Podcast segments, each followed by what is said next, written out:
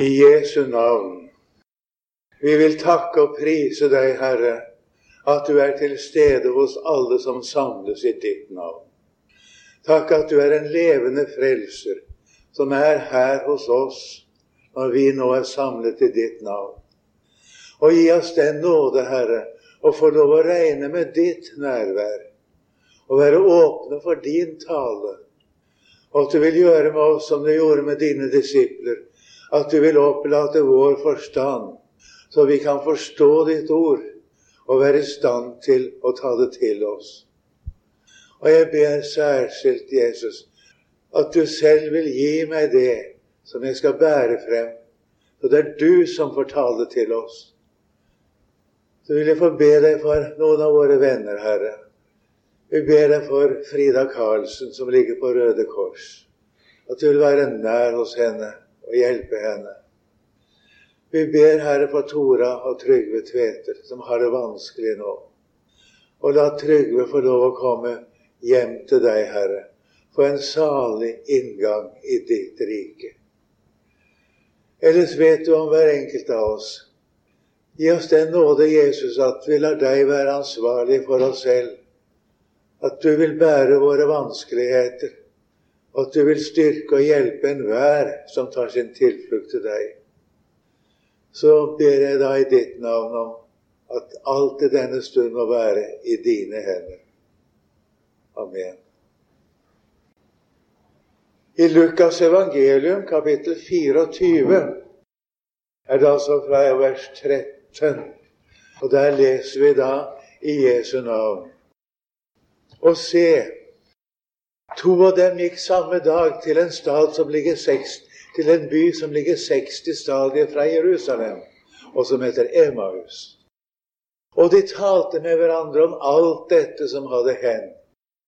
Og det skjedde mens de talte sammen og spurte hverandre. Da kom Jesus selv nær til dem og vandret sammen med dem. Men deres øyne ble holdt igjen, så de ikke kjente ham. Han sier til dem, hva er dette for tale som I fører med hverandre på veien? Og de sto stille med sorgfylt åsyn. Men en av dem, som het Kleopas, tok til orde og sa til ham, Er du alene fremmed i Jerusalem og vet ikke det som er hendt der i disse dager? Han sa til dem, Hva da? De sa til ham, Dette med Jesus av Nasaret, som var en profet, mektig i gjerning og ord for Gud og alt folket. Og hvorledes våre ypperste prester og rådsherrer har overgitt ham til dødsdom og korsfestet ham. Men vi håpet at han var den som skulle forløse Israel. Og dog, med alt dette, er det da det tredje dag siden dette skjedde. Men så har òg noen kvinner forferdet oss. De kom tidlig i morges til graven, og da de ikke fant hans legeme, kom de og sa at de hadde sett et syn av engler som sa at han lever. Og noen av dem som var sammen med oss, gikk bort til graven. Gikk av sted bort til graven og fant det så som kvinnen hadde sagt.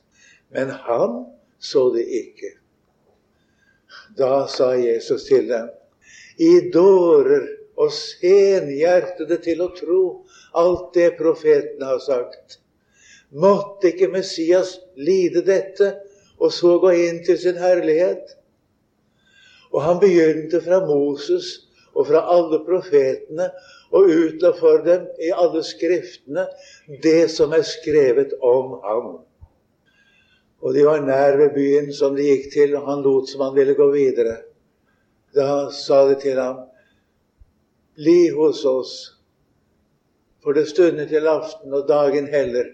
Og da gikk han inn med dem og ble hos dem. Og det skjedde mens han satt til bords med dem. Da tok han brødet, velsignet og brøt det og ga dem. Da ble deres øyne åpnet, og de kjente ham. Og han ble usynlig for dem. Og de sa til hverandre, brente ikke vårt hjerte i oss da han talte til oss på veien og opplot Skriftene for oss. Og de sto opp i samme stund og vendte tilbake til Jerusalem og fant de elleve samlet, og dem som med dem. Og disse sa, Herren er sannelig oppstanden og er sett av Simon. Og de fortalte det som var skjedd på veien, og hvorledes han ble kjent av dem da han brøt brødet. Amen. Det var ikke greit for Jesu disipler etter at Jesus var død på korset og var begravet. Særlig måtte det være ille for de elleve.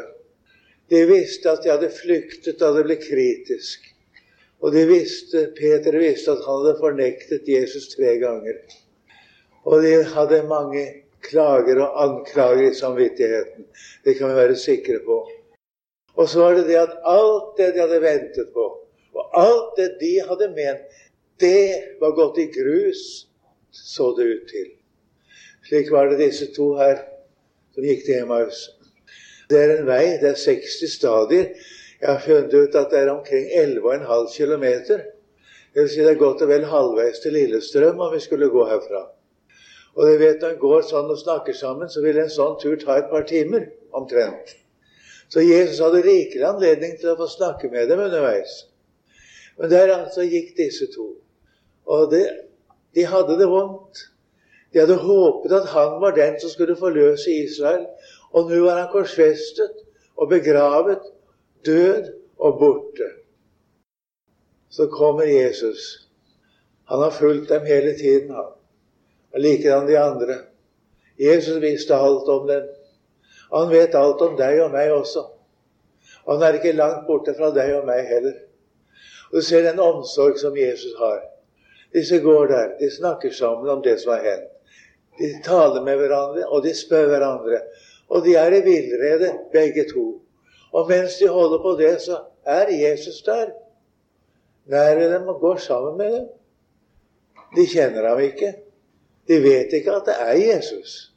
Og det var meningen at de ikke skulle vite det. Og Jesus har sin hensikt med det, som vi kommer tilbake til.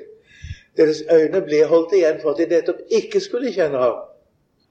Og så får han anledning til å spørre dem da Ja, hva er det dere snakker om her på veien? Og så stopper de. Står med sorgfullt åsyn, står det i vår bibeloversettelse. De var på gråten, begge to. De visste ikke hva de skulle si. Så er det en av dem, det er Kleopas, heter han, og tar til orde og sier, 'Er du alene fremmed i Jerusalem?'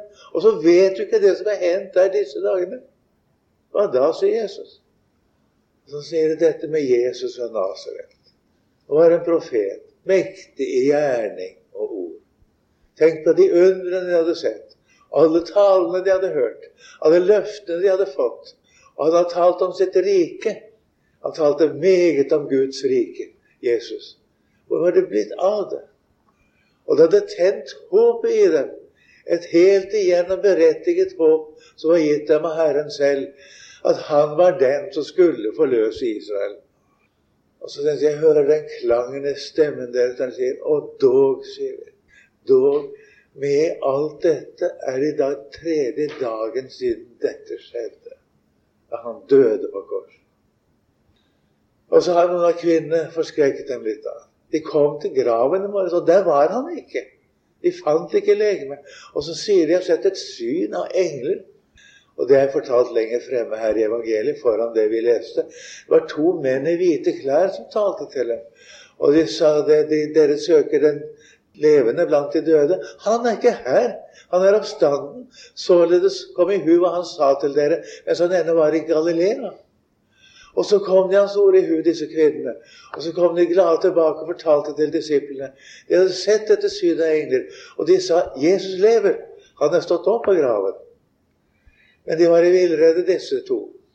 Og så hadde noen av de disiplene Vi vet at de gikk til graven og fant jo ikke Jesu legeme. Og fant ikke Jesus heller. De så graven var tom. Og den var som kvinnen hadde sagt. Men ham, sier de, ham så de ikke. Så begynner Jesus å tale. Å, dere senhjertede, uforstandige, senhjertede, til å tro det som profetene har talt. Ja, Det kan nok hende vi er senhjertede til å tro noen hver av oss. Og vi er lett for å bli mismodige. Og når slike ting hender som vi slett ikke har ventet, og Herren ser fullstendig ut som han skulle langt borte fra oss Han er skjult for oss, og vi forstår ikke vår egen situasjon, og vi forstår ikke det som vi er oppe i, så kan det kjennes temmelig håpløst for oss òg. Men Jesus snakket nå med disse, og så begynner han fra Moses. Det er loven, Det er loven ble også de fem Mosebøker regnet. Nei, det var de fem Mosebøker pluss Josva bok, mener jeg, ble også regnet til det. Og så var det fra alle profetene. Og så var det alle, i alle skriftene. Det er den poetiske litteraturen i Det gamle testamentet. Det er tre arter av skrifter. Det er det vi kunne kalle de historiske skrifter, og de profetiske, de forkynnelsesskriftene. Og midt imellom dem står de poetiske, som begynner med Jobbs bok og slutter med Høysangen. Det er bl.a. Salmenes bok innimellom der, da, som vi har hørt fra i dag. Og så sier Jesus at alt dette, det vitner om ham. Han begynner å legge det ut for dem. Det måtte være underlig. Brente ikke vårt hjerte i oss da han talte til oss på veien og lot Skriftene for oss? Ja, det er nettopp det vi trenger at Herren selv opplater sitt ord for oss. Og så vil jeg med det samme lese det som står videre i kapittelet her, fra vers 44. Et par vers fremover der. Og han sa til dem, til de elleve disiplene der, han sa til dem dette er mine ord som jeg talte til dere mens jeg ennå var hos dere. At alt det måtte oppfylles som er talt i Moselov og profetene og salmene om meg. Jeg nevner at det kalles det salmene, det samme som kalles Skriftene i fortellingen om den fra Emmaus. I hele Det gamle testamentet, i alle slags skrifter. Det taler om meg, sier Jesus. Og så står det Da opplot han deres forstand, så de forsto Skriftene. Det måtte være underlig for dem. Han sier videre til apostlene sine 'I er mine vitner', sier han. At Jesus skal omvendelse, det står nøyaktig i grunnteksten, omvendelse til syndenes forlatelse forkynnes for alle folkeslag fra Jerusalem av. Fordi han, Guds egen sønn, som menneske i vårt sted, har tatt bort dommen og fjernet den og utslettet skyldbrevet mot oss. Det som hviler på oss av ansvar og dom og straff som vi har fortjent, det tok han. Og det er jo underlig å tenke på at Jesus hadde virkelig skylden for det vi har gjort. Han er jo syndfri selv, og i enhver henseende. Det finnes ikke synd ved Jesus, noen som helst henseende. Og likevel, han denne syndfri, er den skyldige for det som du har gjort, og jeg har gjort, og alle andre mennesker. Da Jesus sto der for det høye råd, han sto på Pilatus, så kom det masse anklager mot ham. Han svarte ikke. Bare tidde. Han kunne ha bortforklart alt sammen. Det gjorde han ikke. Og hvorfor? Det var sant. Han var skyldig. Det er jo underlig å se hvordan Jesus vet dette med seg selv. Men når de spør Jesus hvem han er Da ypperstepresten sier 'Jeg tar deg i ed ved den levende Gud' at du sier oss om du er Messias, Guds sønn, da svarte han 'Du sier det'. Og jeg skal se menneskesønnen sitte ved kraftens høyre hånd og komme i himmelets skyer. Det svaret tålte de ikke. Da søndret ypperstepresten sine klær og sa 'Han har spottet Gud'. Hva skal vi mer med vitner? Se, nå har jeg hørt gudsutmattelsen og trykkesteder. Og så sa de alle 'Han er skyldig til døden'. Og så spyttet de på ham. Og så slo de ham med knyttet neve. Og andre slo ham med stokker. Og så sa de 'Spå oss, Messias, hvem var det som slo deg?' Der sto Jesus. Svarte ikke. Sånn var det for Pilatus. Pilatus spurte han, 'Hører du ikke hvor meget disse vitner mot deg?' Det var ypperste prest og de eldste som klaget imot ham til, til landshøvding. Hører du ikke hvor meget de vitner mot deg? Men Jesus svarte ham ikke et eneste ord, står. Så landshøvdingen undret seg storlig. Men da landshøvdingen hadde spurt han litt forveien er du jødenes konge, så sa han ja, du sier det. Jeg er det. Det var altså Han sto ved at han var kommet. Han var Messias. Han var kommet. Og dette underlige at det er han som er den skyldige. Det er vanskelig å skjønne. Men det er det som er hemmeligheten i budskapet om Jesu død. Han dømmes med vår dom. Han tar vår rettferdige straff. Den tar han. Og det er jo, det er jo slik når en begynner å tenke over dette, at en, det vil aldeles svimle. Og Jesus sier til sine disipler 'Jeg er bedrøvet inntil døden'. Og han ber i Getsemane. Er så angst, og svetten kommer som blod. Og Det er jo påvist at det kan skje når et menneske er i angst. Men da er et menneske like inn i døden av angst. Slik var det med Jesus. Han ropte med høyt skrik og tårer til ham som kunne frelse ham fra døden, står det i Brenne 5. Og han ble bønnhørt for sin gudsfrykt. Det har grepet meg så sterkt som står hos Matteus og Lukas. Det er oversatt slik og han ropte med høy røst åndet ut, oppga sin ånd. I virkeligheten betyr det han skrek. Og hva er det for noe forferdelig som rammet ham? Han gikk inn i fortapelsens gru. Det rammet Jesus. For det er din og min straff. Det er det som du og jeg har fortjent. Det er fortapelsens gru. Og det har vi mange ganger kjent i vår samvittighet også, når Guds ånd viser oss hvem og hva vi er for noe selv. Jeg har ikke fortjent annet enn dom og straff ut fra meg selv og mine gjerninger. Men det var det som rammet Jesus. Og når jeg tenker på dette, så orker jeg nesten ikke å tenke det, for det er så voldsomt.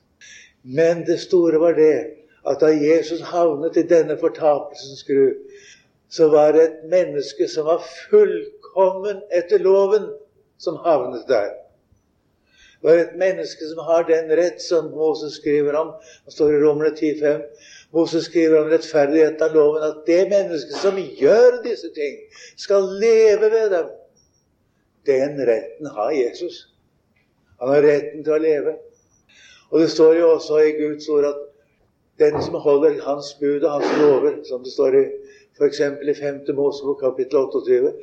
Vil, da vil jeg storlig velsigne deg hvis du holder mine bud og mine lover.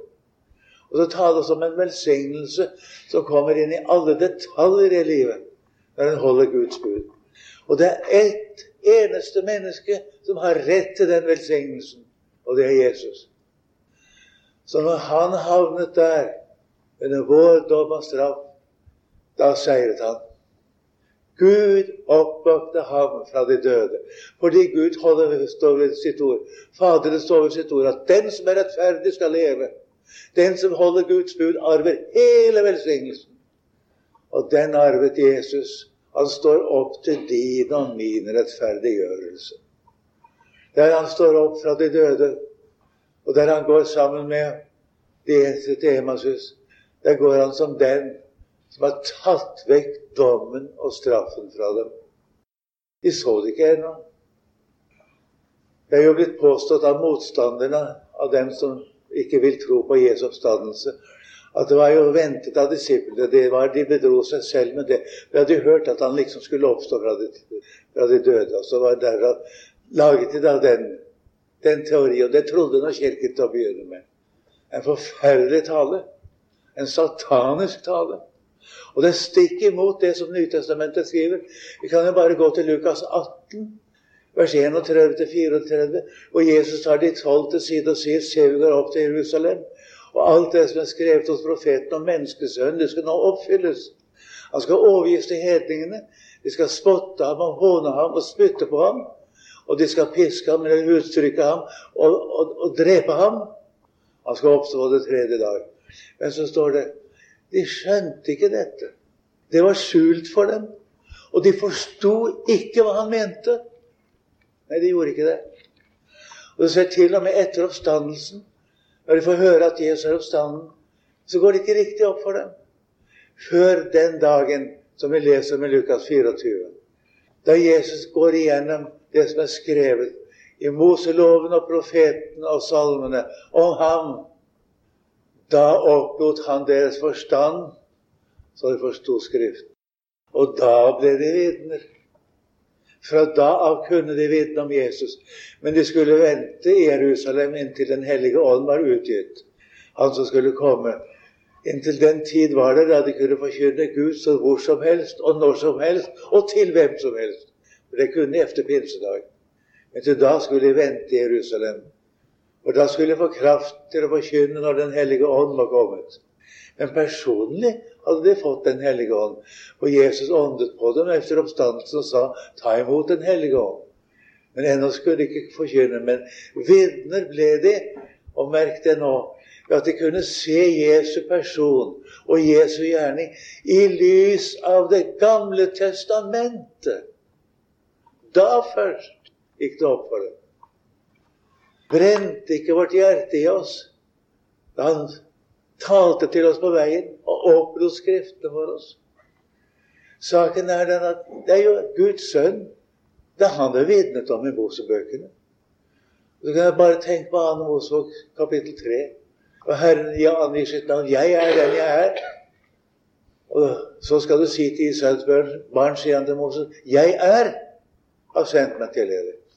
I Johannes 8, 8 24, der sier du selv han sier til, døde, til, til jødene Jeg kommer til å dø i deres synder, for dersom dere ikke tror at jeg er den jeg er, da kommer dere til å dø i deres synder. Jeg bruker Jesus, Guds navn. Egoemi. mi. Og det er oversatt i vår bibel av 1930 at tro at det er meg. Men det er feil. Det skal oversettes slik, for det står det. Dere ikke tror at jeg er den jeg er. Og likedan sier han i slutten av det samme kapittel 8 at når dere får opphøyet meg fra jorden, altså korsfestet meg, da skal dere skjønne at jeg er den jeg er. Nå er stunden kommet. Nå skjønner dere det. Det er Gud selv kommet i kjød. Det går opp for dem. Han opplot deres forstand. Da så de det. Og det er det vi skal se. Jeg tenker på hvordan hele Det gamle testamentet vitner om Jesus. Jeg tenker f.eks. på hvordan Jesus på korset ba Salme 22. Min Gud, min Gud, hvorfor har du forlatt meg? Det er gjengitt i Matteus, eller gjengitt på hebraisk. Eli, Eli, lama tabatani. Det er altså uttalt Min Gud, min Gud, hvorfor har du forlatt meg? Han hadde fullført den gjerning han var kommet for å gjøre. Og nå får disiplene se det. Og skjønner de det?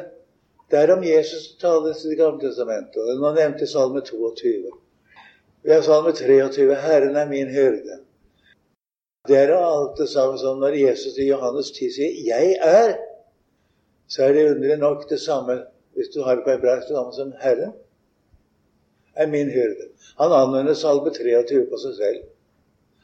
Og du kan se i Matteus 22, slutten av kapittelet der. Han spør Israels religiøse autoriteter hvem sier dere at menneskesønnen er. Hvem, hvis, hvis sønn er han? Og de sier Davids. Og da bebreider han dem at ikke de forsto at det er Guds sønn som skal bli menneske, som Gamle testamentet taler om. Og han spør dem hvordan kan da Herren i ånden kalle, David i ånden kalle ham herre når han er hans sønn. Det kunne de ikke svare på. Det turte de ikke heller. De gikk da og turte ikke spørre ham mer. Men svaret enkelte det er Davids herre som er blitt Davids sønn som menneske. Det er Guds sønn som efter kjødet, altså som menneske, er kommet til Davids ett. Han var Guds sønn før har vært det hele tiden. Han er Guds sønn fra evighet. Det er han det er tale om i Det gamle testamentet. Og der er det forutsatt han kommer til å bli menneske. Og bare tenk på hva det står i Esaias 9,6.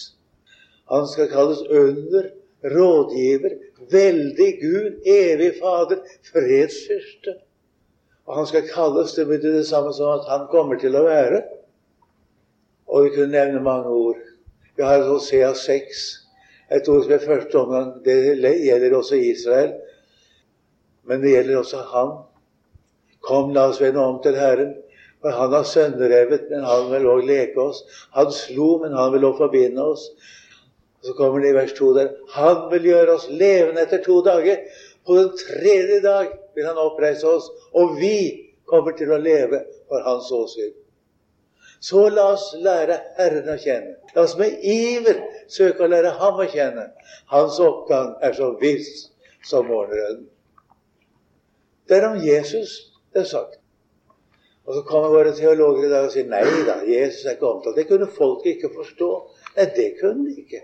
Men Det gamle, gamle testamentet skal ikke tolkes ut fra det Israel kunne forstå, for de forsto nemlig intet. Det sier jo Gud om dem. Mitt folk forstår intet. Det var noen få, få i Israel, det stille landet. De forsto det. Til den kretsen hørte jo jomfru Maria, Josef, hyrdene på marken. Det var noen få. Og de var ringaktet av folk flest. Man brydde seg ikke om dem, men til dem var det Jesus kom da han kom i kjød. Men alt dette er forutsagt. Du kan gå gjennom Mosebøkene, begynne å få se det. Ja, det er så under. Du ser det hele veien. Det er Guds sønn det er tale om. Og det er Han som skal komme til verden. Og det er Han som skal frelse sitt folk. Og det er Han som skal opprette sitt rike den dagen han vil. Vi har det Det kommer vel i teksten nå på Kristi himmelfartsdag også, fra apostelgjerningens første kapittel. Disiplene spør vil du nå opprette riket for Israel. Så sier han det. Det tilkommer ikke dere å vite tiden og timen for som min Fader har fastsatt på seg selv. Vi får ikke vite når alt dette skal fullendes. Vi kan ikke forutsi når Jesus kommer. Vi vet bare han kommer den time vi ikke venter, for det har han sagt. Men vi kan ikke forutsi det. Og du kan ta det for gitt at alle forutsigelser om tid og timer er falske. Det vet vi fra Herrens ord. Men vi vet det er Han. Det er Han Skriften vitner om. Han er din og min frelser. Og nå er han her, også i denne sal. Vi ser ham ikke. Men det samme de kjente ham igjen, så det var han. Så ble han usynlig for dem. Men de visste det var han. Han er usynlig for oss òg. Men han er her. Han er nær hos alle dem som kaller på ham i sannhet. Det er han. Når du kaller på Herren ut fra et hjerte som sier tingene akkurat som de er, da hører Jesus deg, og da er han nær hos deg. Jeg tenker så ofte på det når de sier til meg både den ene og den andre når de ringer og har det vanskelig. 'Å, min bønn rekker ikke til taket', sier de. Nei, det er ikke nødvendig det, at den enkelte taket, for Jesus er under taket. Han er hos deg. Det er en sang om land bortom blåners blåner, eller hva det er for noe. De synger. Det er en merkelig sang. Det er ikke det at bønnen når jo overalt. Men man skal tenke på at Herren er her. Vi ser ham ikke. Han som ikke har sett, og dog tror på, står det i Skriften. Ja, han tror jeg på.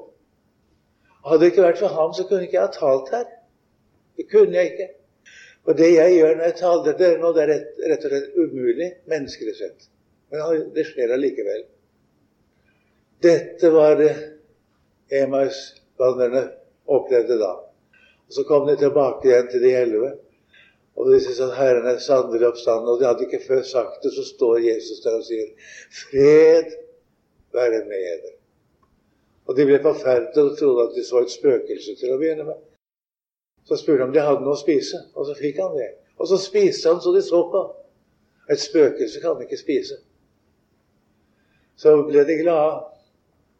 Og så sier jo Jesus det er ikke noen bebreidelse om at de har sviktet, eller at de har flyktet, eller at de har gjort det ene eller andre. Nei, fred være med dere. Han oppfyller det og gjør det som profeten sier, at uh, han lot våre alles misgjerninger ramme ham for at vi skulle ha fred. Og ved hans sår har vi fått lekedom. Han er vår frelser. Nå skal vi få lov å ta det med oss. Han følger nøye med oss, også om det mange ganger ikke kan sees. Nei, det kan ikke ses. men det mange ganger ikke kan forstås hva det skulle si. Han er der, og han er sitt løfte tro.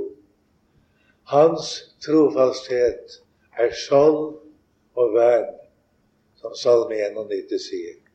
Amen.